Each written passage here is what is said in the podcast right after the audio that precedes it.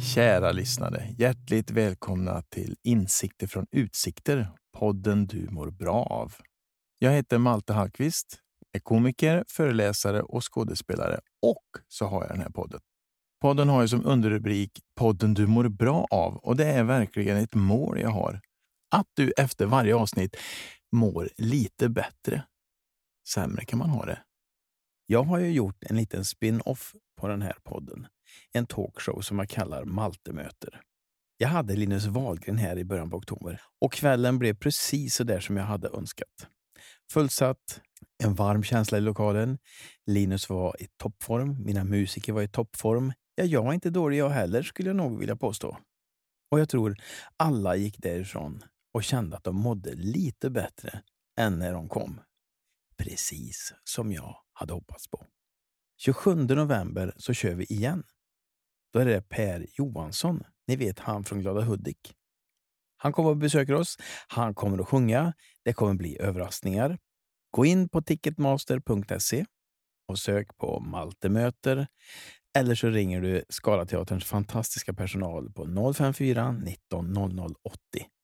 Avsnittets gäst är Julia Duvenius. Och när jag satt mitt emot henne så hann jag tänka att vilken lyx! En och en halv timme och bara peppra på med frågor, funderingar och spaningar. Man inser också att det är en stund som aldrig kommer tillbaka. Men den stunden ska ni få lyssna på nu, för här kommer avsnitt 143 av Insikter från utsikter med Julia Duvenius. Med sin teaterproducerande mamma kunde man tro att Julia Duvenius yrkesval skulle vara lätt. Men valet stod faktiskt mellan två yrken, skådespelare och städerska. Vad hon valde är välkänt och nu har Julia stått på scen, synts i tv och på biodukar i snart 30 år. Vad är det som driver henne nu jämfört med förr? Vad händer om man tröttnar på sitt yrkesval och vad är det för skillnad på tjejsnack och killsnack? Detta och väldigt mycket mer kommer här. Men först, Kulturkrocken Göteborg, Stockholm.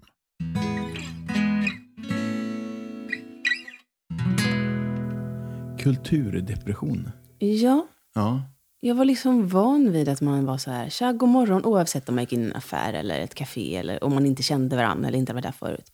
Ja, hur är läget? Ja, det är bra. Sov lite dåligt i natt. Alltså man, man pratar som att man, som att man inkluderar en människa i Göteborg, tycker jag.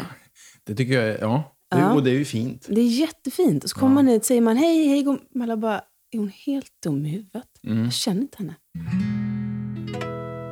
Kära lyssnare, hjärtligt välkomna till Insikter från utsikter, podden du mår bra av. Och idag har jag en utsikt jag haft en gång förut. Storgatan, Stockholm. Ja, dig har jag ju inte haft som... eh, du tänker på... eh, Mm. Min gäst här sitter och försöker eh, regissera mig lite grann och det är väl bra.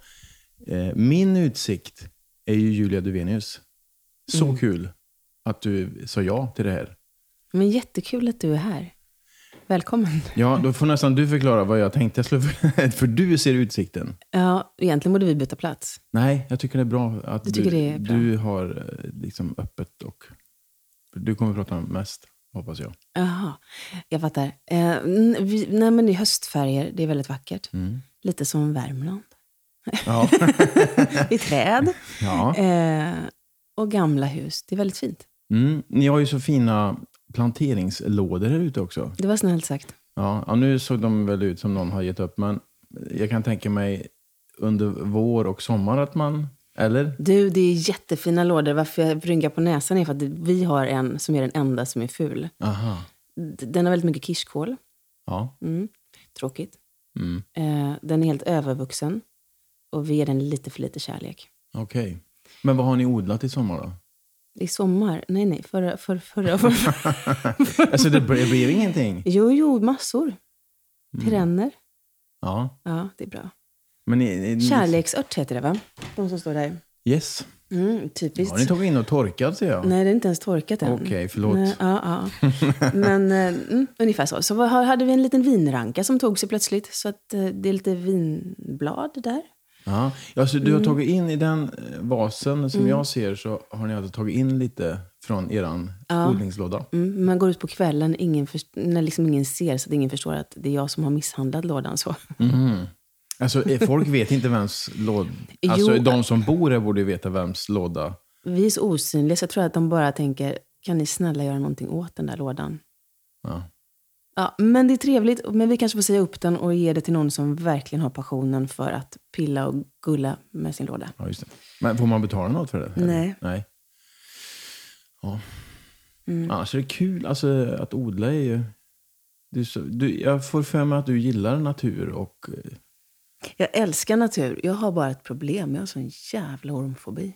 Ah, Så jag får ju problem just med det här att plocka i rabatter, du vet skräcken att det skulle ligga en orm där. mm. Eller gå ut och plocka svamp. Du Vad vet, kul. så här skräckscenario jag har. Man stoppar ner handen och så bara Är det smärtan du är rädd för eller eh, överraskningen? Eller? överraskningen. Ja. Jag hatar ormar. Mm. Fast man skulle må bra av den här podden, va? Mm. Mm, då byter vi Men ämne. vi kommer prata om det där. Jag tror vi kommer, vi kommer väl landa i det där tror jag. Vi Mm. har en liten spaning när det gäller dig.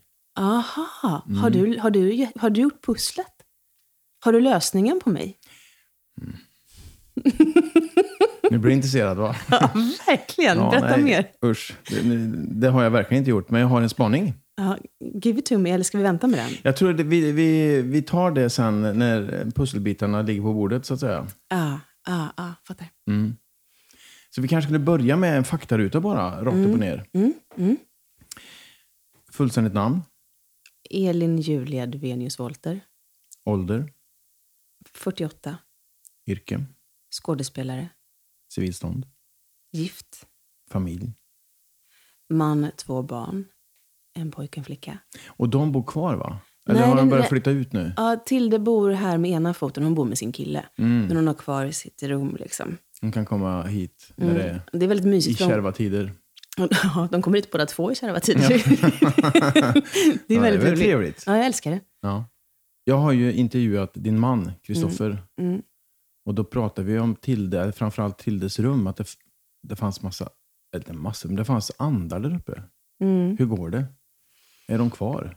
Ja, men jag tror så här. Jag tror inte, det, det är klart att det här är ett gammalt hus, det är 1700-tal. Det finns väl vass, massa minnen i de här väggarna, tänker jag. Eh, jag tror inte att några osaliga andar är kvar. Däremot så kan jag känna att, att det finns energier här. Mm. Men de är väldigt lugna. Jag känner att vi är, s- vi är superaccepterade. Nu har vi bott här i 15 år. Vi får vara här. Ja. Och de är snälla. Så det är bra energier. Ja, Hur känner du av dem? jag kan få så här rysningar på Mm. ryggen. Ehm, min mamma som ser det lite mer än vad jag gör och kan se saker. Ja, Mm. men jag blir inte rädd utan det känns ganska mysigt. Ja. Jag skulle bli mer rädd om det kom en orm här. Jag skulle bli väldigt f- förvånad, skulle jag säga, om det. Ja. Ja. ja men vad skönt då. Då, Mm. då har andarna accepterat er och ni accepterat dem och så Ja. lever ni i symbios här. Ja, vi, vi, vi bor här. Vart var vi? Ja, men det var ju familj, ja. Just det. Tilde. Och så har ni, har ni en kille. Mm, Vide, Han, hur gammal är han nu då? han är 17. Så han bor kvar hemma? Han bor kvar hemma. Han hade konsert på Konserthuset igår. Mm. Så vi är lite trötta allihopa. Okej, vad spelar han? Han sjunger kör. Okej. Mm. Vad- och vilken- Kungsholmens gymnasium. All Right. De har ju såna toppkörer. Ja. Så det var vackert igår. Det var vackert igår. Mm. Man mår bra. Underbart. Hobby. Ja du, vad är min hobby? Mm, Ja, det det här... här- För det här, det här är, den här är ju svår. Ja. Jag, älskar, väx- jag älskar blommor och växter. Det tycker jag är väldigt, väldigt mysigt. Det kan jag pilla med. Mm. Eh, och om jag ska checka ut, jag brukar stöpa ljus en gång om året. Så här en hel dag. Mysigt. Och det är fram, vid jul, antar jag? Ja, nej, Eller? faktiskt inte. September brukar det bli. För det är så fullt där annars. Ja. Eh, men mysigt. Har du gjort det nu? Ja, Trevligt. Men då Mm. i Mm. vänt- Falun. I Falun, av alla ställen? Åker du dit för att stöpa ljus? Eller? Ja. Så tar vi med kompisar och mammor och Mm. så stöper vi och mostrar och allt möjligt. På något speciellt ställe? Eller? Ja, Faluljus stöperi. Nämen, det är ju på riktigt det här. hör jag. Ja. Och så ja. bor man där och har det jättemysigt. Mm. ja, det har man. Och så försöker man sitta och jobba lite och skriva och få lite idéer. Alltså det är lite blandat. Det där ska jag... Ja, det är väldigt mysigt. Mm. Väldigt mysigt. Eh, Så, julgodis, alltså jag gillar att pyssla. Jag gillar det jättemycket. Men jag har tyvärr ingen konstnärlig ådra. Så det är inte så att jag sitter och målar och så bara råkar det bli fantastiskt. Utan, Utan det blir en måla. eh, nej, det blir inte målat alls. Det blir, det blir julgodis eller bröd eller ljus eller en bukett blommor. Alltså, sådär. Ja, ja, Mm. det du är fattar. väl- ja. Men Det, det är så här avkoppling. Men, men min passion, det ligger ju i att skapa alltså, nya idéer. Att, lite som du. Ge ett ljus med ett budskap. Utan att man fattar budskapet så ska man bli underhållen. Det tycker jag är en konstform. Mm. Som vi har försökt med våra serier. Mm. Lust och Men heder. det har ni väl lyckats med? Ja, ja, det tycker jag verkligen. Och det är ju långa processer. Liksom. Mm. Så jag, jag har massa, det finns ju så många idéer. Ja, för jag har sett båda. Jag, jag är mitt i heder just nu. Mm. Eh, jag tycker det är fint att din man är din man i båda. Eller han din älskare åtminstone i lust, va? ja. Med någon konstig mustasch och en annorlunda dialekt, vill jag minnas. Vi hade ju den rollen då som skulle rollbesättas. Ja. Vi hade beslag på massa jättebra, fina skådespelare. Ehm, Men det är ju en speciell roll. ja. Så, så, så att eh, för regissören sa, men din, din man är ju en väldigt bra skådespelare. Han kanske vill göra det här. Så jag sa, nej fy fan, jag kan inte spela din man och bara ha en sexscen. Det går inte. Så jag, men snälla, snälla, snälla, snälla, snälla. Okej, om jag får ha mustasch och prata skånska så. Just det. Jaha, alltså det Men det var blir väl- dealen. Eh, Ska, han, ska han vara med så ska det vara mustasch och skånska. Så han formade ju min karaktär också som någon som går loss och tänder på skåningar med jättemustascher. Mm. Mm. Ja, för den rollen. Men du gick igång på fler, va? Eller Var det, ja, nu- Ja, lite av varje. ja, men jag vill Den handlar ju minnas om att sex. Du, ja, precis. Ja, Jag vill minnas att du... s- Är det husbilar ni säljer? ja då. Ja, Bilar och husbilar. Ja, och du hoppar på någon där i någon visning. Ja, just det. Just det. Ja, det, blir, det är mycket med för henne. Ellen heter hon. Ja, just det. Mm. Hon har lite taskig impulskontroll. Men samtidigt så får hon inga konsekvenser av det riktigt. Nej, hon verkar gå därifrån med huvudet högt. Ja, hon löser biffen. Ja. Hur hamnar vi där? Jo, att, att ge ett ljus, att ge Ja. liksom ett budskap, att ge en större förståelse, att bredda arenan. Att eh, ja, Mm. diskutera kanske ibland ganska allvarliga ämnen på ett sätt som gör att det attraherar en publik. Mm. Det är ju en konstform i sig. Ja, verkligen. Och det, där, där har jag en jättepassion. Det är väl min absoluta hobby. Det är bara det att det som är svårt med den hobbyn, det är att den inte bara är avhängig av mig. Jag kan inte sitta hemma och säga, nu ska jag göra en tv-serie. är det någon som har 50-60 miljoner så börjar vi imorgon. den, ja, Men idén kan du ju få. Absolut, och det har, vi, har jag ju många. Och det är ju roligt. Men sen så själva utmejslandet, processerna. Jag tycker det är otroligt härligt. Och som grädde på moset så får jag gestalta. Äter helst. Oh, vällagad mat. Jag, har, jag är lite skadad efter covid. Eh, jag- med min lukt och smak. Jaha, okej. Ja. Så att jag, har ju, jag, jag håller fortfarande på att utforska vad jag helst tycker om att äta. Så du, har- du tappar ganska mycket alltså? Ja, jättemycket. Och det är väldigt förvrängt. Så jag håller på att lära mig som en treåring så här, äta igen. Det här är ärtor, det smakar så. För jag måste lära om liksom. Men nu har ju covid varit borta ett tag. Hur, Mm, du, Men inte den defekten, jag är ju skadad. du övar fortfarande? Ja, Jag, jag övar. Och jag tycker inte om så här, när det blir för blandat, när jag inte ser vad det är. För jag kan inte känna det. Nej, nej. Så jag är lite kräsen med textur och Mm.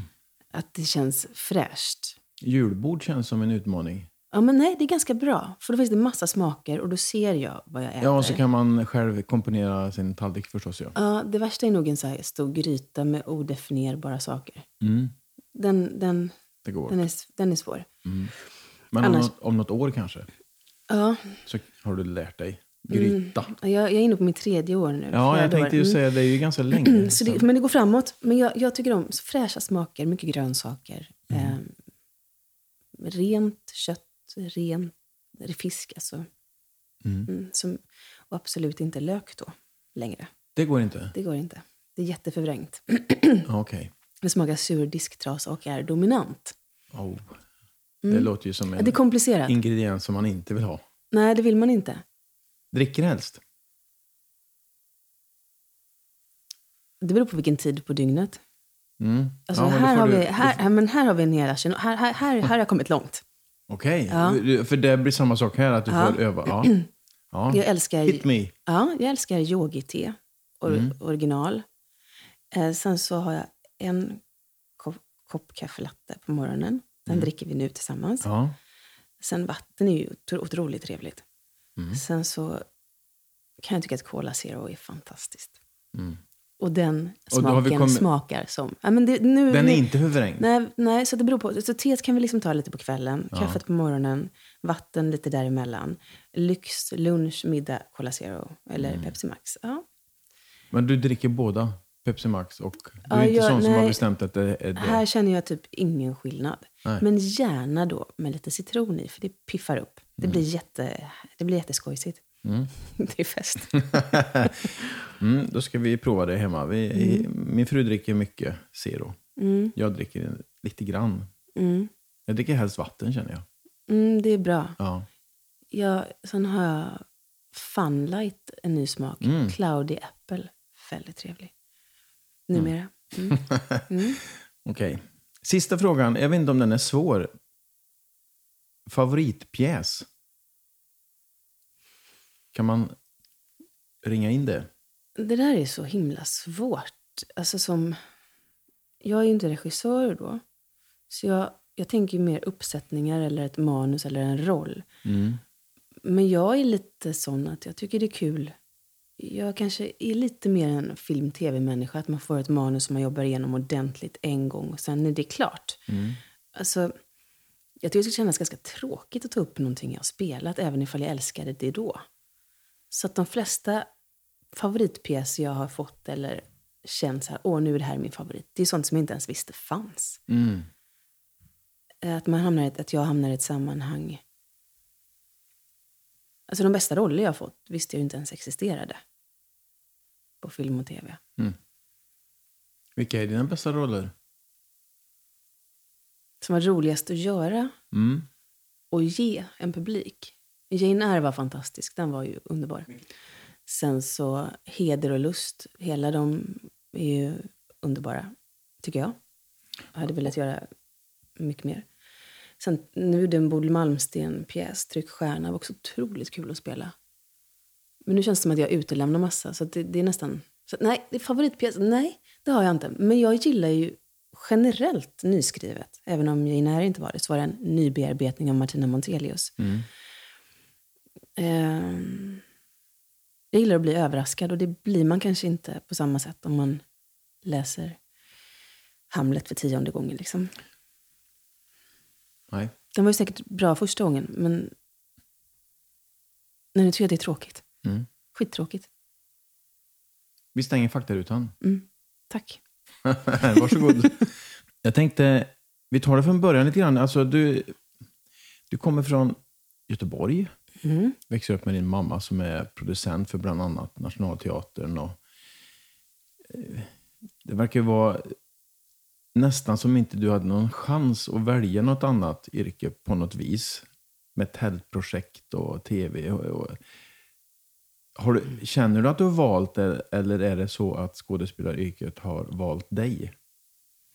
Nej, jag har verkligen valt det. Mm. Eh, för att i min familj, min, jag har ju två systrar också. Och min biologiska pappa är ju lärare.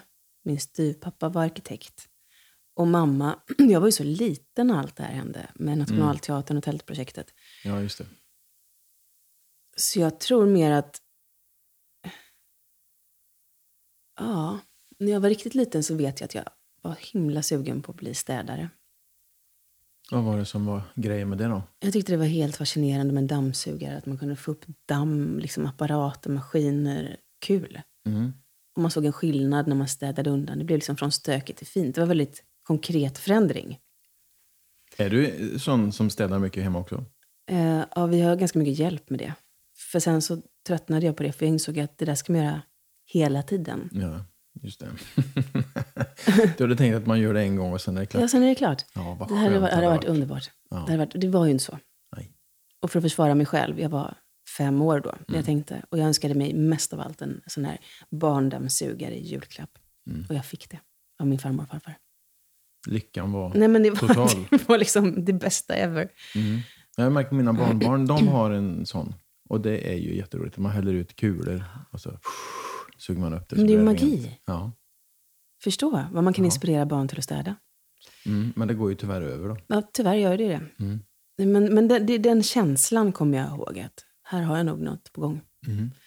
Och sen så med teatern så var det nog mer så att jag tyckte att skådespelare verkade ha det så roligt. Jag älskade energin på teatern, förväntningen, publiken som kom och längtade efter att se det som hände. Att, wow! Och så transformationen från att man såg någon som var liksom en kille på, på eftermiddagen spelade mamma och kvinna. På, alltså jag tyckte det var så här, wow! Och musiken och livet. Och, Magi igen. Fast Magi in- igen. inte med dammsugarutan. Nej, utan det var en helhetsupplevelse. Och sen så tror jag också att det hjälpte till att man, Nationalteatern hade ju mycket musikteater Mm. och kabaréer och lättillgängligt och snabbt. Det var ju inte, det var ju inte fem timmar tragedi vi såg. Nej. Det är inte- Men du såg mycket förstås. Ja, och jag fick sälja program. Och, Ja. ja, nej, så att Vad jag, är det där goa? vad är det där goa? Mm. eh, fram till att jag var 10, 11. Och sen så var jag, jag hade ju dyslexi i skolan, så jag tyckte det var ganska krångligt. Så tänkte Mm. jag, men här, här har vi faktiskt någonting som jag tror att jag skulle kunna vara bra på. Mm. Och som jag tyckte var otroligt kul. Så att där, där, där lades väl grunden för den passionen. Men jo, det fanns andra utvägar. Absolut. Inte bara städerska utan... Nej, nej jo, städerska eller skådespelare. Det var de Ja, två. det- Ja, men, jag, men, jag, men att jag blev visad på akademiska yrken också. Ja, ja. Mm. Men att där Men det var kände ingen jag, som lockade. Nej, jag, jag, jag tror ibland tänker jag så här, jag trodde inte mig själv om det. Var det för dyslexin där, eller? Ja, När fick du reda på att du hade ja, det? men det fick jag ju aldrig reda på för egentligen förrän, förrän jag har alltid tänkt det. Eftersom jag blandar ihop B och D och eh, sånt där då. Mm. Gjorde. Men ja, när, när förstod jag det? Jag tror att det var när jag såg att min dotter hade samma problem, var på utredning med henne och jag bara, men jag är ju en fullpoängare. Mm. Sen så, det som är coolt med det, det är att man får andra vägar att tänka. Mm. Att man blir otroligt snabb på att lägga andra pussel. Mm. Och jag läser in ljudböcker, det trodde man ju inte då. Nej. Så det, det är liksom både och. Så det blev nog också det här att jag tror ibland inte att man söker sig till yrket som man kanske är bäst på. Utan det som man får stångas lite med. Mm. Ja, för du måste ju läsa mycket manus. Ja. Men läsa är inget problem. Nej. Egentligen är mitt problem, som jag måste slå upp fortfarande, stava. Du kan skriva en helt galen text till mig och jag förstår vad det står. Som är alla stavfel du kan tänka dig, för jag fattar intentionen. Du läser mellan raderna. jag läser sannerligen mellan raderna, det är jag bra på. Och det är väl en styrka som skådis, för det är väl där man ska Exakt. hitta det. Så där hittar man liksom analysen och det som är en annan hobby jag Mm. har. Lägga livspussel, förstå sammanhang, se de större trådarna, Mm. förstå hur saker hänger ihop. Det är ju som, som ett eh, psykologiskt pussel som är så jäkla spännande tycker jag. Men hur gammal var du när du liksom ändå valde skådespelare framför städerska? Ja, men jag kanske var då åtta, kanske jag var. Mm. Då hände det. Det är ju tidigt. Ja, det är tidigt. Det är tidigt. Mm. Men då visste du att det här, det här ska jag bli. Ja.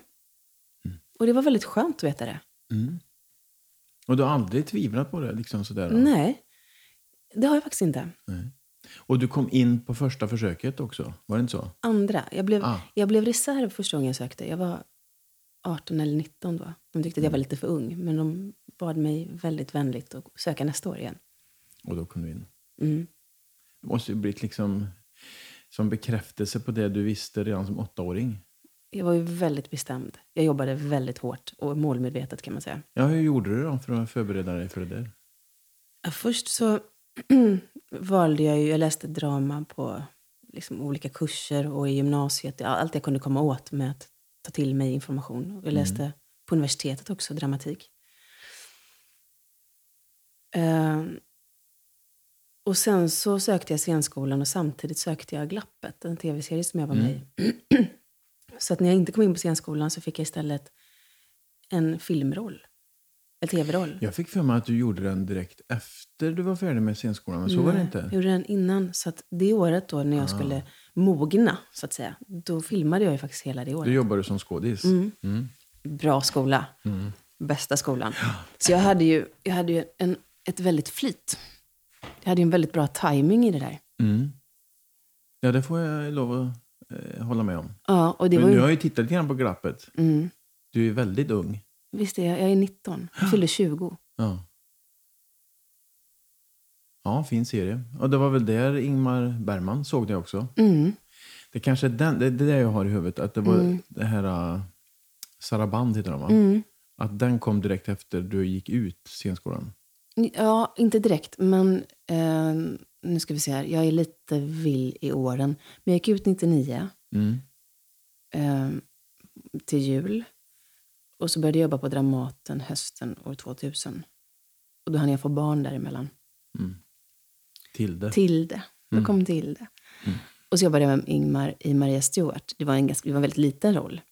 Men det var ju perfekt som nybliven mamma och utexaminerad skådespelare. Det var ju, alltså återigen, otroligt bra flyt. Mm.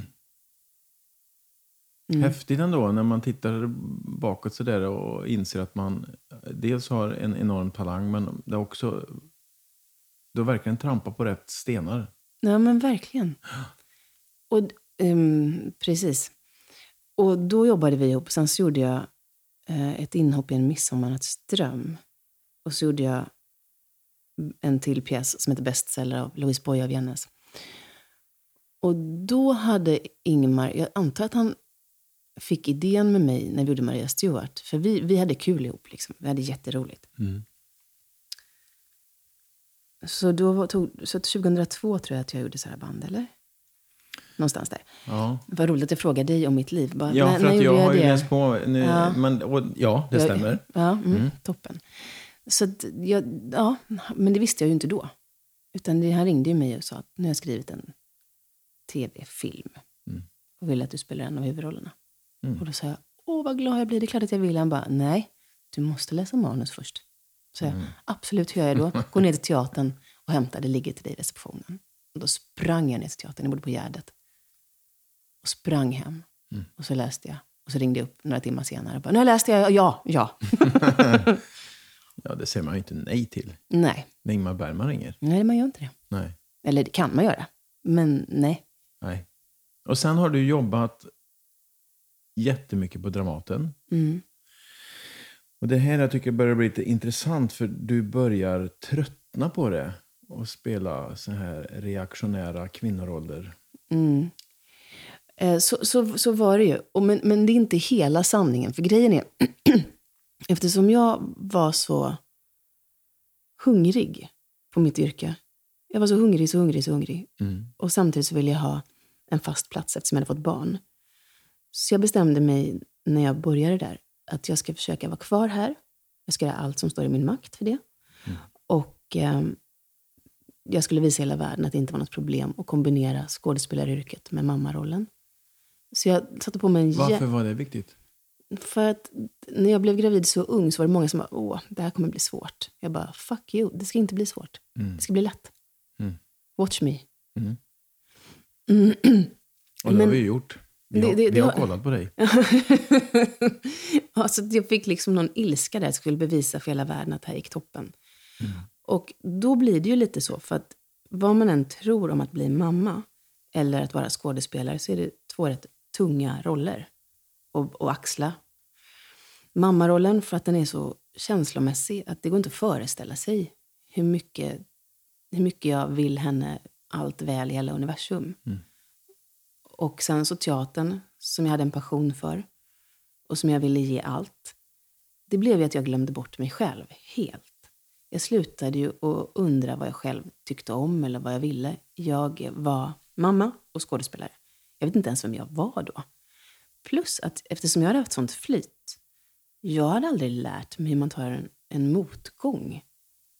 Jag, jag hade ingen koll på det. Så när jag fick min första sågning, jag trodde att jag skulle dö. Jag, jag fattade ju att det ingick i jobbet. Jag, intellektuellt förstod jag ju allt. Men känslomässigt så kunde jag inte riktigt hantera det där. Vad hände då, då med dig? Jag kände mig som en skamfläck. Jag kände mig värdelös. Jag trodde att alla tittade snett på mig, att min karriär var över. Mm. Ett sånt misstag, att få en dålig recension, kunde jag inte härbärgera. Det var så svårt. Och istället för att då, Jag sökte hjälp för att prata om det. Men hamnade hos en terapeut som inte var jättebra. Utan jag tyckte faktiskt att det där förvärrades ganska mycket. På många sätt. Så jag fortsatte och tänkte jag måste jobba mer. Jag måste kämpa hårdare. Jag måste Och liksom... För att få bra recensioner då, eller? Ja, för att få bra recensioner. Skölja över Och, den och jag tror dåliga. att i- med, med, med backspegeln slippa känna det som jag hade försakat under en ganska lång tid här. Att, att inte bry sig om sig själv någonting. Eh, Det- Man blir en egocentrisk person för att man hela tiden är viktigast. Barnet är viktigast, teatern är viktigast, vilket gör att mitt liv blir viktigast. Fast jag, mitt jag, den som är jag, inte fick någon plats alls. Mm. Förstår du vad jag menar? Ja. Jag försöker bara lägga ihop det med min spaning här. Men, ja. Mm. Ja, du, du, du, du, jag har sett griller i huvudet på dig. Ja, Nej, ja, li- ja, vi tar det alldeles strax. Ja, det ska bli roligt. Ja. Ehm, men, men, men det är också min fascination. Jag tycker det är spännande att bråka lite där det, där det finns smärtpunkter att gå igenom. Jag tycker ju om utveckling. Jag älskar det. Har alltid gjort det, eller? Nej, det skulle jag inte säga. Men det kommer väl här någonstans när jag kände att jag blev inte av med den här känslan av misslyckande och vem är jag och varför får alla andra... Jag började bli liksom avundsjuk. Jag kände inte igen mig själv. Jag fick inte allting serverat längre. Det som en vanligt liv, en vanlig människa ska kunna hantera. Det kunde inte jag. Jag hade blivit så otroligt servad. Mm. Och då är ju jobbet inåt. Och det När började det jobbet? Bara... Ja, men det har varit i olika omgångar med mer Okej. eller mindre lyckade resultat. Men jag fick ju så här scenskräck och tänkte, gud, nu, nu dör jag när jag går ut på scen. Jag var så trött, så utarbetad och så inte omhändertagande om det, om det här. Alltså de, att lugna ner mig, känna ledsen, glad, alltså allt det där. Utan jag skulle bara pågå, jag skulle bara vara stark. Ja. Sjuk i styrka skulle man kunna säga. Mm. Och det blir ju en kollaps. Och sen så i kombination med då att jag såg pusslet, för då tittar man ju ofta framåt. Jag använder ju kulturen oerhört mycket, böcker, konst, byggnader. Alltså det fyller på mig. Och hittade inte vägen ut i de i förebilder för mig. Det finns såklart enstaka exempel, men, men i de stora berättelserna så var det ju mycket så att kvinnan gjorde en spaning redan typ 2002. Så blev jag så här, fasken, de, de pjäser som får, jag var ju lite fixerad vid recensioner, som får bra recensioner, det är ofta med en kvinna som är skör, psykiskt väldigt skör och ofta dör eller det går åt helvete. Ehm, och kombinationen äldre man, ung kvinna, det var liksom standard på alla affischer. Så vad, ska jag inte bli mer än 30 år i det här yrket, sen så ska jag vara död eller bara förstöras. Alltså det, var, det var en väldigt deprimerande bild av att vara kvinna som sprutades ut överallt. Och att det också hyllades i, eh, i press och offentligheten. Då blev jag så här, men vänta lite, vi har en skevhet här. Den vill jag titta på. Och försökte föra diskussioner på teatern. Och det var, det var ju lite tungt. För det är ju också en, en teater som har som uppdrag att spela klassiker. Och i klassikerna är det här dramaturgin. Mm. Man, män har makt, kvinnor har det inte. Det är synd om kvinnan och, och är hon för gammal så dör hon. I annat fall så kanske hon dör ändå. Mm. Det, det, är inget, det är inget positivt. Nej, och, men det, och det är samma sak i eh, äldre musikaler. Ja, det är jättesvårt. ja. Jag tycker det är jätteproblematiskt. Ja. Jag älskar inte det. Nej, det förstår jag. Ja, och det är väl det då. Istället för att, och det tog mig några år att fatta att okej, jag kan kanske inte förändra hur det är, men jag kanske kan bidra. Därur, den, den liksom eh, sårbarheten eller nedbrytningen av mig själv som jag då hållit på med och tillåtit pågå, så blev det... Men jag, hade ju ett, jag började prata med kollegor om det här. Jag började sen känna att jag kan inte vara avundsjuk på kollegor. Jag kan inte se dem som konkurrenter. Vi måste börja samarbeta. Och då pratade jag mycket med Sofia Elin och Alexandra Rappaport som är min, mina jättenära vänner. Ehm, och så träffade jag Anja Lundqvist i Fältöversten. Mm. Och hon, och hon var ju en konkurrent. Ungefär lika gamla, blonda. Alltså du fattar. Ni har Man har setts på provfilmningar förut. Besökte scenskolan samtidigt. tittat snett på varandra. Ja. Och varför då? Som att det skulle skydda mig. Alltså så jävla dumt. Och så, så stannar han ner. Jag bara, hej hur är det? Jag bara, nej fan, det är inte så kul. Jag känner att jag håller på att jobba sönder mig på teatern. Jag fick så här flitstipendier till flest antal spelade föreställningar. Och kände ändå att jag var jättedålig. Jag tyckte inte alls att jag var bra och levererade. Ehm, hon bara, jag, jag, jag tycker också det här är så jobbigt. Det är tufft nu att få familjeliv och teatern och arbetstider och allting att gå ihop med våra löner. Jag bara, vad längtar du efter då? Men hon bara, ah, och jag skulle vilja filma mer. Utomlands. Vi satt och stod så här och drömde, dagdrömde tillsammans. Och så går det fyra veckor och så har vi båda fått varsin stor roll i Sune och ska filma i Grekland och få ta med våra familjer. Och inför det så ringde jag Sofia. Hon bara, men prata med Anja. Jag tror ni har mycket att prata om. Så säger Anja till mig på stranden.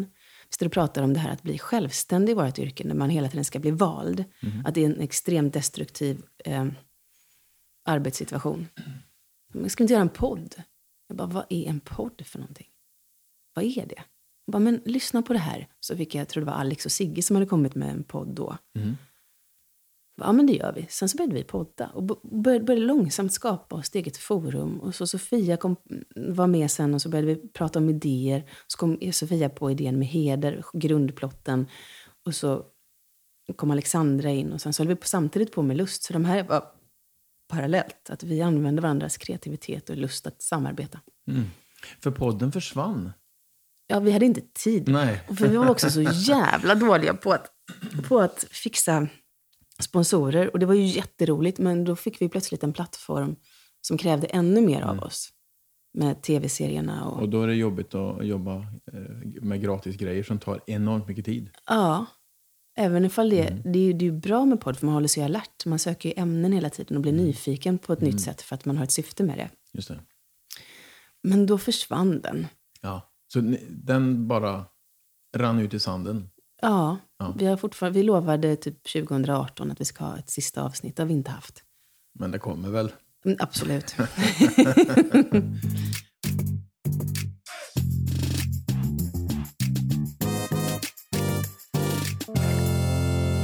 Sponsorsnack. Varenda gång jag kliver in på ICA Maxi Bergvik i Karlstad så blir jag alltid lite glad. Det händer något i mig som jag länge inte kunde förklara. En bra känsla som bara infann sig liksom. Men nu har jag förstått vad det handlar om. För nu har jag pratat med Christer, alltså självaste chefen, så nu vet jag varför jag blir glad när jag kliver in i butiken. Det är för att på ICA Maxi Bergvik i Karlstad så jobbar man nämligen aktivt för samhällsnytta och mångfald.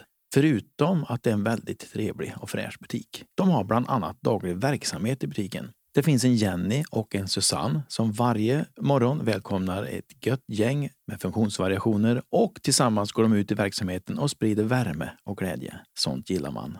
Sånt känner man. ICA Maxi Bergvik satsar på lokala producenter så att du som kund ska kunna handla närodlat. Det är bra på så många sätt. Dessutom arbetar Christer i styrelsen för Ayabaya Cancer, en organisation som arbetar med att underlätta vardagen för alla som drabbas av just barncancer. Och i butiken så kan du skänka din pant till Ayabaya Cancer. ICA Maxi Bergvik i Karlstad har hashtag älska kunden. Den hade jag aldrig sett innan, men alltid känt. Det är ett väldigt bra betyg det.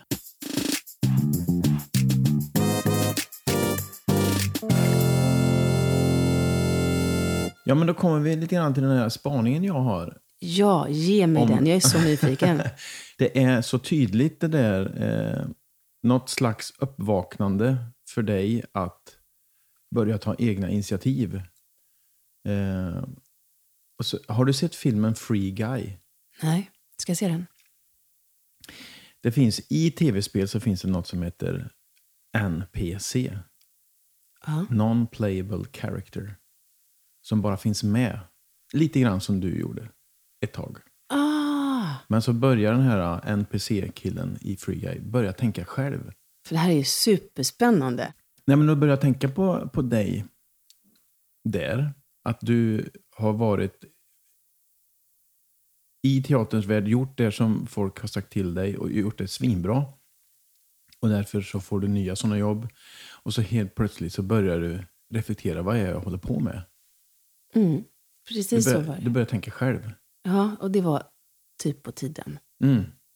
Så, Så det blir liksom en ny film som heter då Free Girl med Julia Duvenius. Alltså jag längtar. Mm. Wow. För det, det är så tydligt. Eh, och jag trodde Mm. att du höll dig i den här, om vi nu får kalla det för NPC, Ja. av rädsla. Ja. För du verkar vara lite rädslostyrd. Ja. Att få dåliga recensioner, ehm, Ja. att ge sig ut på öppet hav som du faktiskt, nu när du inte är en NPC längre, Mm. faktiskt utmanar dig själv. Så snart så är du inte rädd för ormar heller. Eller hur? Så tänker jag. Ja, det var det finaste jag har hört.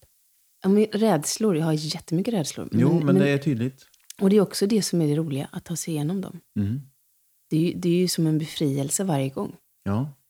Men det, vad, hur länge, när startar du? När slutar du vara en NPC? Alltså, det här är skillnad från tv-spelsvärlden då.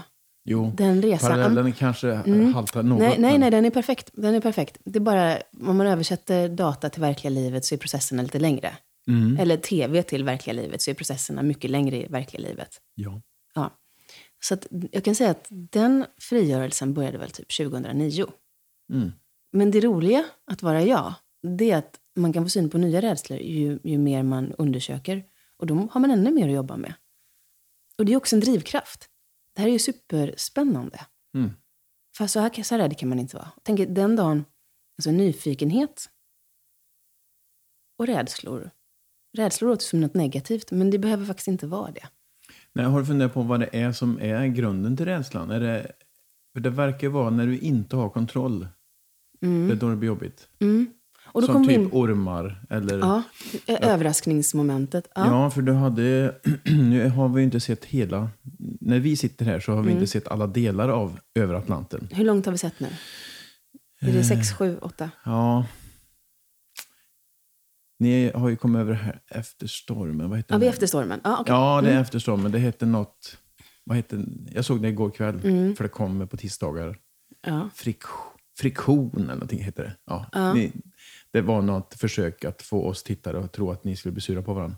Det var stopp i toan och... ja, det var lite stopp i så- toan, ja. ja men jag tror att det är episod åtta. Ja, okej. Mm. Ehm, nej, men nu, nu börjar, nu, du ser ju själv. Alltså jag, jag har inte sett alla episoder. Ehm, men min upplevelse var att efter stormen så vände det från att vara riktigt jävla jobbigt på båten, för det var så hårt jobb. Det ser man inte. Men vi sov i tre timmars pass, eller många av oss. Och sen så lagade vi mat till 13 personer, Mm. diskade till 13 personer, styrde båten. Det var liksom det våra team skulle göra. Och Mm. Det är på blir- riktigt. Det är på riktigt. Ja. Det är på riktigt. Och jag hade två i mitt team som låg och kräktes ganska länge. Mm. Jag var ju helt vimmelkantig och tänkte, gud, vad är det här? Ska vi liksom, är det här, är det här på riktigt? Ska jag orka? Och sen så hann man inte heller prata med varandra. Jag älskar ju samtalen. Mm. Och det finns inte riktigt tid eller plats eller sådär alltid för det. Och det är där jag får liv, i kommunikation. Mm. Och blir det kommunikationsstopp eller dött, då, då får jag nästan klaustrofobi i min egen kropp. Ja, för du hade ett sånt gen, alltså, sammanbrott, kan man säga så? Ja, det kan man. Eh, när man förstod vad rädd du var just... Ja, och det som man inte ser i tv då, som faktiskt hände, det var ju att jag stod vid rodret och vi visste att det skulle komma ett oväder. Och då hade jag mitt team runt mig, så det var inte ensam. Men jag höll i ratten. När jag ser att knopmätaren, man mäter inte meter per sekund utan knop, vilket är ungefär hälften, den låg på ungefär stadigt 18-20, vilket är ja, 10, eh, 10 sekundmeters vind. Sen går den upp från 18 till 25. Alltså det här går på 30 sekunder till 28, till 32, till 35. Och jag kan inte hålla i rodret. Det är så tungt. va? För att vinden kommer ju rakt på. Och det slår, det är kolsvart, det skvätter vatten. Och jag känner att jag, jag, jag kan inte. Ska jag stå här så kommer vi gå under. För att jag kan inte hålla. Det är för hårt. Det är för tungt. Så jag fick skrika på hjälp. Och det, det finns ju inte med. Men så det var ju faktiskt en händelse som gjorde att... Så det var inte så att det kom smygande på mig, utan det var pang. Och så tänkte jag, vad ironiskt att just jag står där då och var bra. För då, då fick jag ju bryta, i, bryta ihop och visa att fan, jag är rädd. Mm. Och ta emot hjälp av mina kompisar. Konstigt att de klippte bort det. det hade... En- De hade inte klippt bort det. det man sover ju liksom i pass. Och det är inte alltid att man står med kameran hela nattpasset under en storm. Det, det är inte heller så jättekul bilder för att det är ju mörkerbilder. Och det fanns inte en chans att sätta upp lampor och sånt för det var så stökigt på båten. Alltså, det är ett sånt äventyr så att det är Ja. bra gjort. Ja, tack. Jag är så jäkla glad. Sen efter det, då, då, jag, jag tänkte så här, jag, jag vill bli sjörövare. Jag vill, jag vill åka runt här och, och, och liksom busa på havet. Jag vill inte sjörövare, det har ju, jag vet ju vad det innebär. Jag vill inte döda människor. Nej, jag förstår. Men, Mm. och, det, och det var så intressant när jag då intervjuade din eh, Mm. man, Kristoffer. För då kom du in i köket och sa hej Mm. och hade precis kommit hem. Och Kristoffer sa, jag har fått hem en ny fru. Ja, Eh, nu ska hon liksom bara, hon har aldrig eh, velat lämna stranden egentligen. Nu ska hon bara rätt ut Ja. igen till öppet hav. Nej, men jag blev så kär va? i havet, i vågorna, i månen. Att stå där liksom med en sån här fin kaffe på natten. Man, det, och det, det, det låter banalt, men för oss var det stort att kunna koka typ en espresso. För det gungar ju. Så att det, var, det, var en, det var en effort att göra, göra det mysigt. Jaha. Då gjorde vi det mysigt. Och så kom en delfin och så såg man Karlavagnen och så navigerade man mot, mot någon stjärna som man blev kompis med. Så satt man och pratade. Eller, äh, Det, äh, det var helt sanslöst. Men har du varit ute och seglat sen dess? Men Jag seglade lite med Gurra. Vi var Ja. på en liten, liten segel... Jag fick, jag fick komma med på en liten segeltävling. Bara här runt. Eh, men jag vill igen. Men jag, jag, jag, alltså det här seglarlivet där man kuskar runt från olika holmar och säger åh vad vackert, det vill jag inte. Utan jag vill ha det här där man seglar Ut på sjön? ut på sjön. Mm. För det andra är bara opraktiskt och kallas semester, vilket det inte är. Det är kallt, fuktigt och man slår sig blå. Trångt. Ja, och fuktigt. Och så äter man middag för sent när alla är sura. Nej, nej, nej, nej, nej, nej, nej, nej. Inte intresserad. Nej, och Men- det här hade ju inte hänt om du fortfarande hade varit, om vi nu får kalla det för NPC. Mm. NPC. Mm. Ja, nej, det hade du inte. Mm. Och eh, det som händer rent fysiskt i kroppen, det är att jag vill ha äventyr. Jag vill ut, jag vill, jag vill upptäcka världen. Mm. Innan så kanske jag mer vill åka bara på ett lyxigt spa Mm. för att koppla av. Men nu vill jag upptäcka saker. Härligt. Ja, det är så jävla coolt. Mm. Det, det är faktiskt helt otroligt. Grattis! Tack.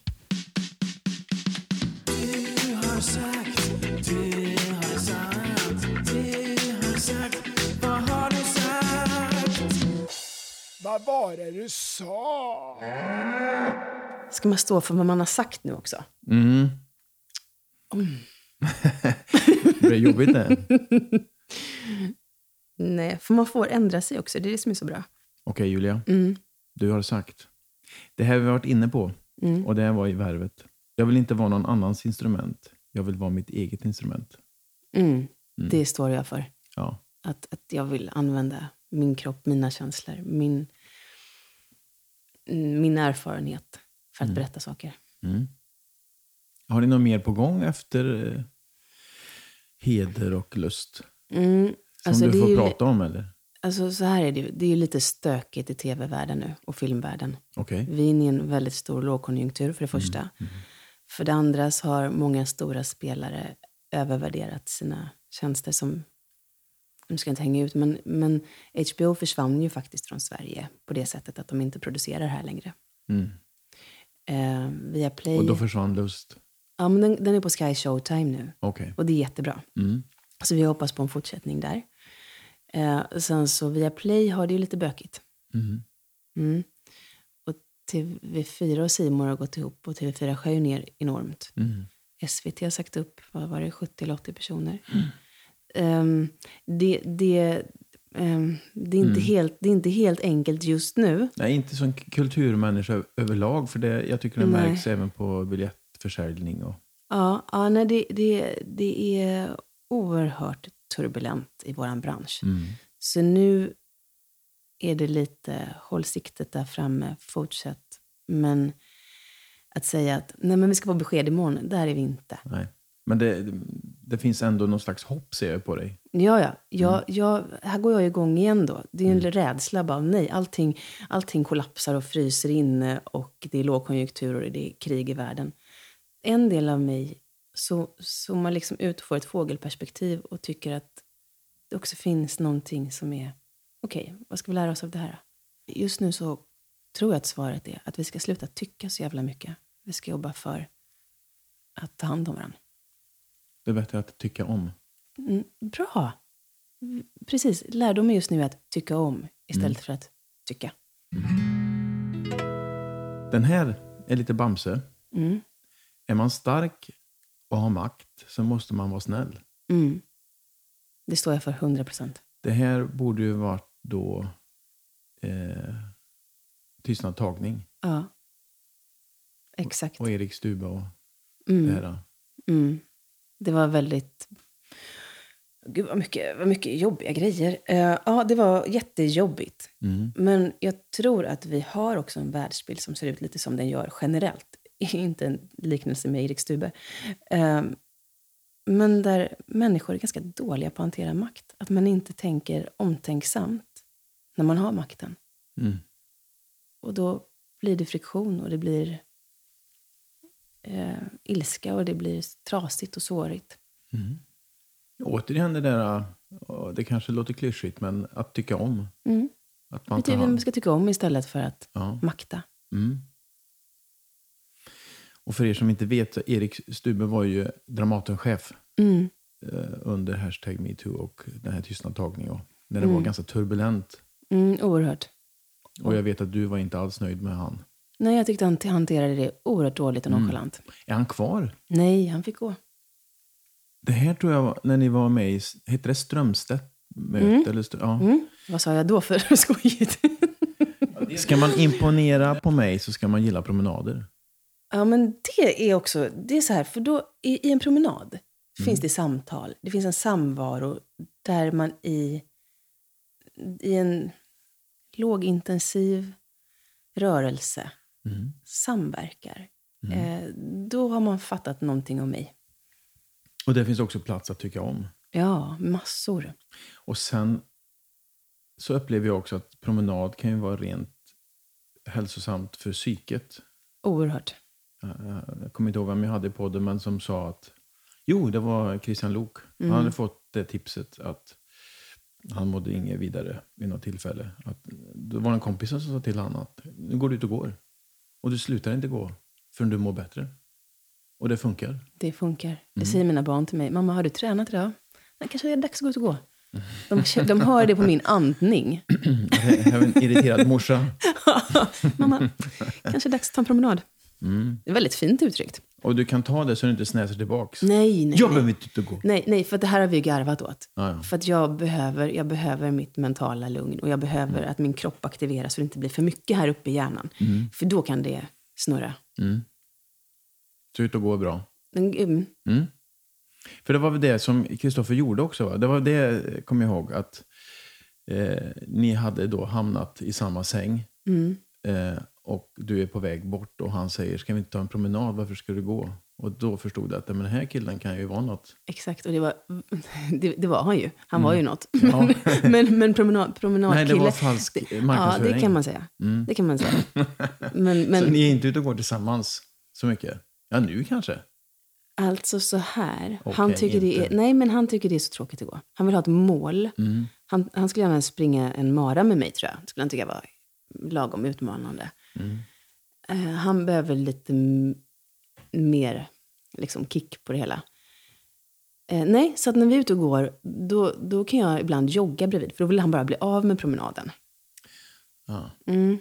Så nej, han är inte alls bra att gå med. Ingen promenadkille? Nej. Nej. Och sen så har han en sån här grej, nu pratar jag skit om dig min älskade man, att han går två steg framför. Det är ett manligt beteende. Det är jättekonstigt. Oskönt. Oskönt. Man ser det ibland på såna här, framförallt på sommaren tycker jag, om man ser cykelsemestrande par. Ja. Så är gubben 100 meter framför med sin cykel. Och man bara känner, Exakt. hallå, S- Tillsammans. Nej, och han hävdar att det kanske är genetiskt. Vi går inte in där. nej, Då har vi en lång diskussion känner Ja. Mm. Du fattar själv, vi diskuterar mycket. jag. Mm. Får addera promenad också. Så är det ju toppklass. Ja, det här är över Atlanten då ju. Mm, kör. Vi tar två eh, stycken. Mm. Det här är en blandning mellan ett totalt äventyr och ett ungdomskollo. Mm. Men det var så. Det, det, det är ju också så att när man, när man sätter ner människor som inte känner varandra. m- Vi alla var ju måna om att presentera oss på ett bra sätt. Så kan ibland lyssningen försvinna på varandra. Mhm. Eh, eller intresset för varandra för att man är så uppslukad av situationen och eh, vem man själv blir där. Så det var lite kontaktlöst i början tyckte jag. Mm. Mm. Och det var ungdomskollet, alla bara springer åt olika håll och viftar. Och inklusive jag själv. Jag, jag säger inte att jag inte ingick i det kollot, för det gjorde jag verkligen. Ehm, men det tar ju ett tag innan man svetsar sig samman. Mm. Och sen så kommer äventyret när båten och havet kräver oss. Då var vi så jävla bra ihop. Då högg alla i. Mm. Förutom möjligtvis då med toalettsituationen. Ja, vad hände där då? Men någon hade spolat ner fel grejer i Och toaletten. ni vet ju eh? givetvis vem det är. Nej! Nej! Nej, jag kan gissa, men jag vet inte. Och vem gissar du på då? Nej, jag lovar inte att inte hänga ut. Ehm, eller ja, vad fan, hänga ut. Jag, jag tycker ju att, att Hans betedde sig lite misstänkt. Det tycker jag ju. Nassim var inne på samma spår. Ja, Mm. Om vi- Nästa citat Ja. är ju om Nassim. Mm. Nassim var som en tjejkompis faktiskt. mm. men han var det. Du vet när man börjar samtala och, och samtalet flödar och associationer och man hänger på varandra i det eh, utan att berätta långa anekdoter som jag kan uppleva då att många män gör. Mm. att man sitter och lyssnar och sen så kanske det blir min tur att berätta en lång anekdot. Och det tycker jag är så tråkigt så att jag... Det kan vara kul att hit, höra på någonting som är otroligt spännande. Men det finns ett samtalsklimat där, där det, jag upplevde det som en ganska manlig företeelse. Jag, vi var ju faktiskt elva män och två tjejer på den båten. Ja, det har du rätt i. Mm. Mm. Så att jag hittade inte min energi riktigt. Vad, vad, vad, vad ger jag och tar här utav? Mm. Och så kom Nassim och bara, nej men det blev min då tjejkompis. Och det var inte, jag pratade om kvinnlig energi, inte om Mm. Nej, kön. jag förstår. Nej, jag förstår. Har vi haft ett tjejsamtal nu? Ja, det skulle jag säga, fast men lite mer att jag har varit den manliga energin, för jag har snackat lite mer. Men det är lite din uppgift. För Ja. Jag kan känna igen det där när man sitter med män. Att en- de sitter nästan och inte lyssnar och bara inväntar en lucka där man kan trycka in sin egen anekdot. Ja, och gärna vill berätta någonting som är så jävla självklart så att man, men skämtar du med mig? Mm. Och där passerade mitt liv revy. Ja, här sitter jag och lyssnar på dig för att vara artig. Nej, det kan vara ganska trist. Nej, Det är, inte- det, det, det är så tråkigt så att det kryper i min kropp. Då, behöver man, då behöver man inte en promenad, då behöver man en joggingtur. Men Jag vet inte hur man ska lösa den, för man vill ju inte vara otrevlig heller. Men att sitta och lyssna på en malande röst. Jag, jag, kan, ja, alltså jag, jag, jag har gjort min del. Mm. ja, Jag känner att jag ja, nog det också, för jag kan tycka det är otroligt typiskt om någon berättar någonting. Mm. Eh, vi kan säga till exempel eh, att toan då Mm. har klöggat igen i någon båt. Så ska alla män berätta sin historia om exakt Och så vet man att det kommer sluta med att... Och så gick, var toan full. Ja, jag, där är jag nog Ska ganska... vi ägna vårt liv åt det? Där är jag nog ganska tjejig, om, om vi nu får Ja. säga så. Ja. Och vad gör vi åt det? Vad, vad, vad är, vad är, utan att bli otrevlig, hur gör man? Hjälp mig. Alltså det är ganska avväpnande om man kan... s- Om man hittar humorn i det. Mm. Att, att avbryta dem. Mm. Och, så, och så gick toan sönder. Exakt. Mm. Mm. Mm. Mm. Det blir li- verkligen pyspunka på den historien då. Ja. Om du bränner av den givna poängen. Ja, och om det inte finns någon poäng då? Om det bara är ett långt raljerande om min fantastiska... Ja, mitt fantastiska liv. Ja, jag vet faktiskt inte. Ta fram mobilen och fråga om du stör. Sitter och scrollar. Ursäkta, stör jag? Jag vet. Nej, vi har, vi har en läxa, det hör jag. Ja, mm. Vi har någonting att lösa. Man vill ju inte kränka folk. Nej, det heller. vill man inte. Man vill, man vill tycka om. Mm. Men man vill också avbryta Mm, det vill man. tortyren. Ja. Det är därför jag hatar mingelpartyn. Det är min skräck. Att hamna med det där och bara... Mm, Och där får man ju inte vara fartig, där måste man ju gå. Nej, det, vi har någonting att lösa, det, det känner jag. Ja, kommer du på något så Mm, jag mejlar. Gert. Mm. Mina damer och herrar, det har äntligen blivit dags, inte bara för mitt och Maltes favoritmoment här i programmet, i podcasten, utan jag gissar för er allas. Det har blivit dags för Tombolan! Nu Julia, Ja. har du en grön härlig tombola framför dig. Så veva på Ja. och så får vi se vad du får för frågor att besvara.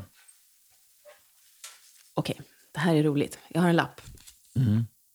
Vad blir du stressad av? Mm, du har varit inne på det. Eh, Jag blir stressad av när jag måste acceptera saker utan att kunna göra någonting åt det.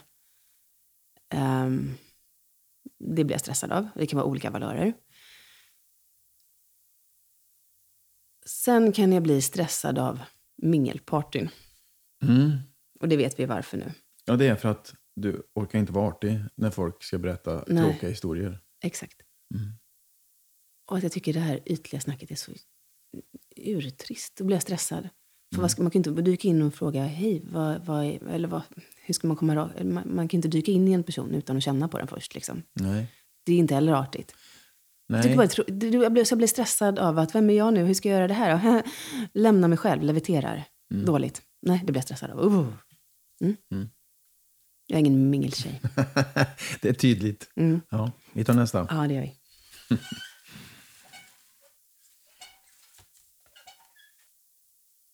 Vad skulle du vilja ställa för fråga till dig själv? Alltså, jag ställer ju så många frågor till mig själv hela tiden. Ehm, Men om jag, var du, eh, är det- om jag var du, vad skulle jag vilja ställa för fråga till mig? Mm. Så kan man tänka ju. Ja, för här pågår det ju hela tiden ett jävla kackel. Så blir jag tyst på frågor. Men du ifrågasätter du dig själv? Eller, eller vad menar du med att det är ett kackel? Mm, jag försöker nog... Eftersom jag är så besatt av analys och förstår hur saker hänger ihop Mm. så kan man ju dra slutsatser som inte alltid stämmer. Och så måste man gå vidare och börja om från noll eller hitta en ny väg. Det är som ett forskningsarbete i hjärnan hela tiden. Mm. Det är väldigt många frågor. Hur löser man det här då? Som Israel-Palestina, hur löser vi det? Ja, om du kommer på det då, då är fredpriset ditt. Exakt. Mm. Exakt. Och nu ska man ju bara hantera den här, den här traumatiserade världen där så många är berörda. Så då blir ju lösningen att, att aldrig vara polariserande i något samtal. Utan hålla om. Förstå. Det får nästan bli ri- rubriken på den här avsnittet tror jag. Vilken då? Tyck om. Tyck om? Ja. Tyck om. Mm.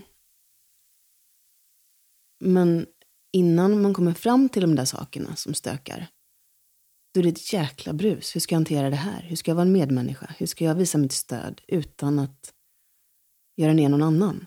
Det är ju det är i princip omöjligt. Nu vill jag säga en massa saker som jag inte ska säga, för det blir polariserande på en gång. Så att min, min uppgift just nu är att lugna ner, stå stabil och ge kärlek och skänka så mycket pengar jag bara kan till krisorganisationer. Och inte tycka någonting. Men man kan ju vara empatisk nyfiken, tänker jag. Det kan man, men i den här frågan, Det är ju inte pola- polariserande. nej, det kan man vara i samtal. Ja. Men skulle jag skriva någon form av rubrik? Mm. Då I har ett man tagit- inlägg. Då har man tagit ställning. Mm. Ja, Vi tar en sista. ja. Gräv runt lite. ja, ja nu ska jag gräva runt. Ja.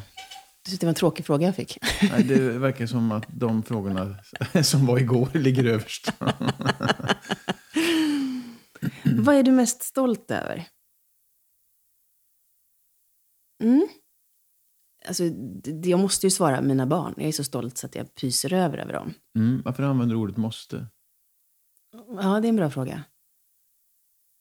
För att det är det som kommer upp först. Och det, och det är varför jag säger måste, är för att jag tycker också att det är lite tråkigt. Ah, du menar så. Mm. Ja. ja. För det är så givet. Mm. Förutom det då? Ja. Vi tar bort må- Ja. måste barna. Måste bana. Eh, jag är stolt över... Jag är stolt över att jag fortfarande är nyfiken och vill utvecklas. Mm. Det är jag stolt över. Något säger mig att det kommer du alltid vara. Mm. Men det, det läskiga med att bli äldre tycker jag är att det krävs mer och mer för att haka på någonting och bli nyfiken. Och, och det, man skulle kunna bli bekväm. Vi stänger tombolan. Mm.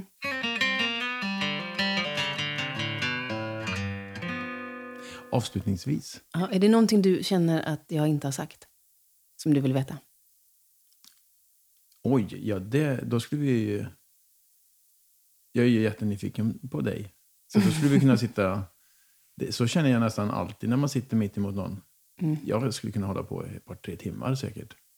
Det är jobbigt att klippa då. Och tjejsnacka. Ja, det är i och för sig roligt. Det håller jag med om. Det håller jag med om. Ja.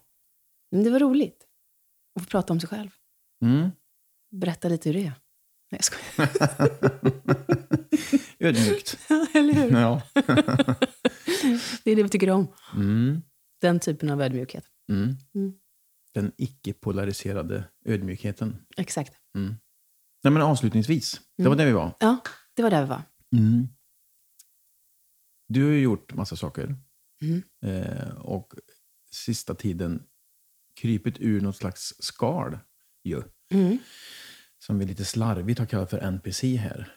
Underbart, jag älskar det. Men, ja. Men vart är du på väg? När du säger vart vi är på väg, då tänker jag öppna vidder, bredare vägar, ehm, mer tolerans och mer humor. Mm. Dit är vi på väg. Det låter ju fantastiskt. Mm. På den vägen vill jag också vara. Bra, följ med. Mm. Vi plöjer ihop. Då går vi. Mm. Tack för att jag fick sitta här med dig. Det var eh, otroligt trevligt. Det var jätte, jättetrevligt. Mm. Så kul att du kom hit.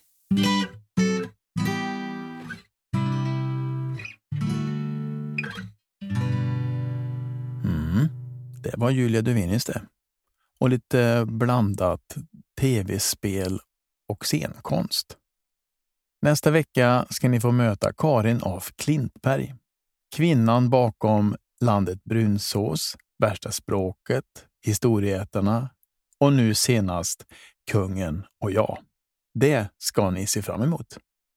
Fram till dess, var snäll mot dig själv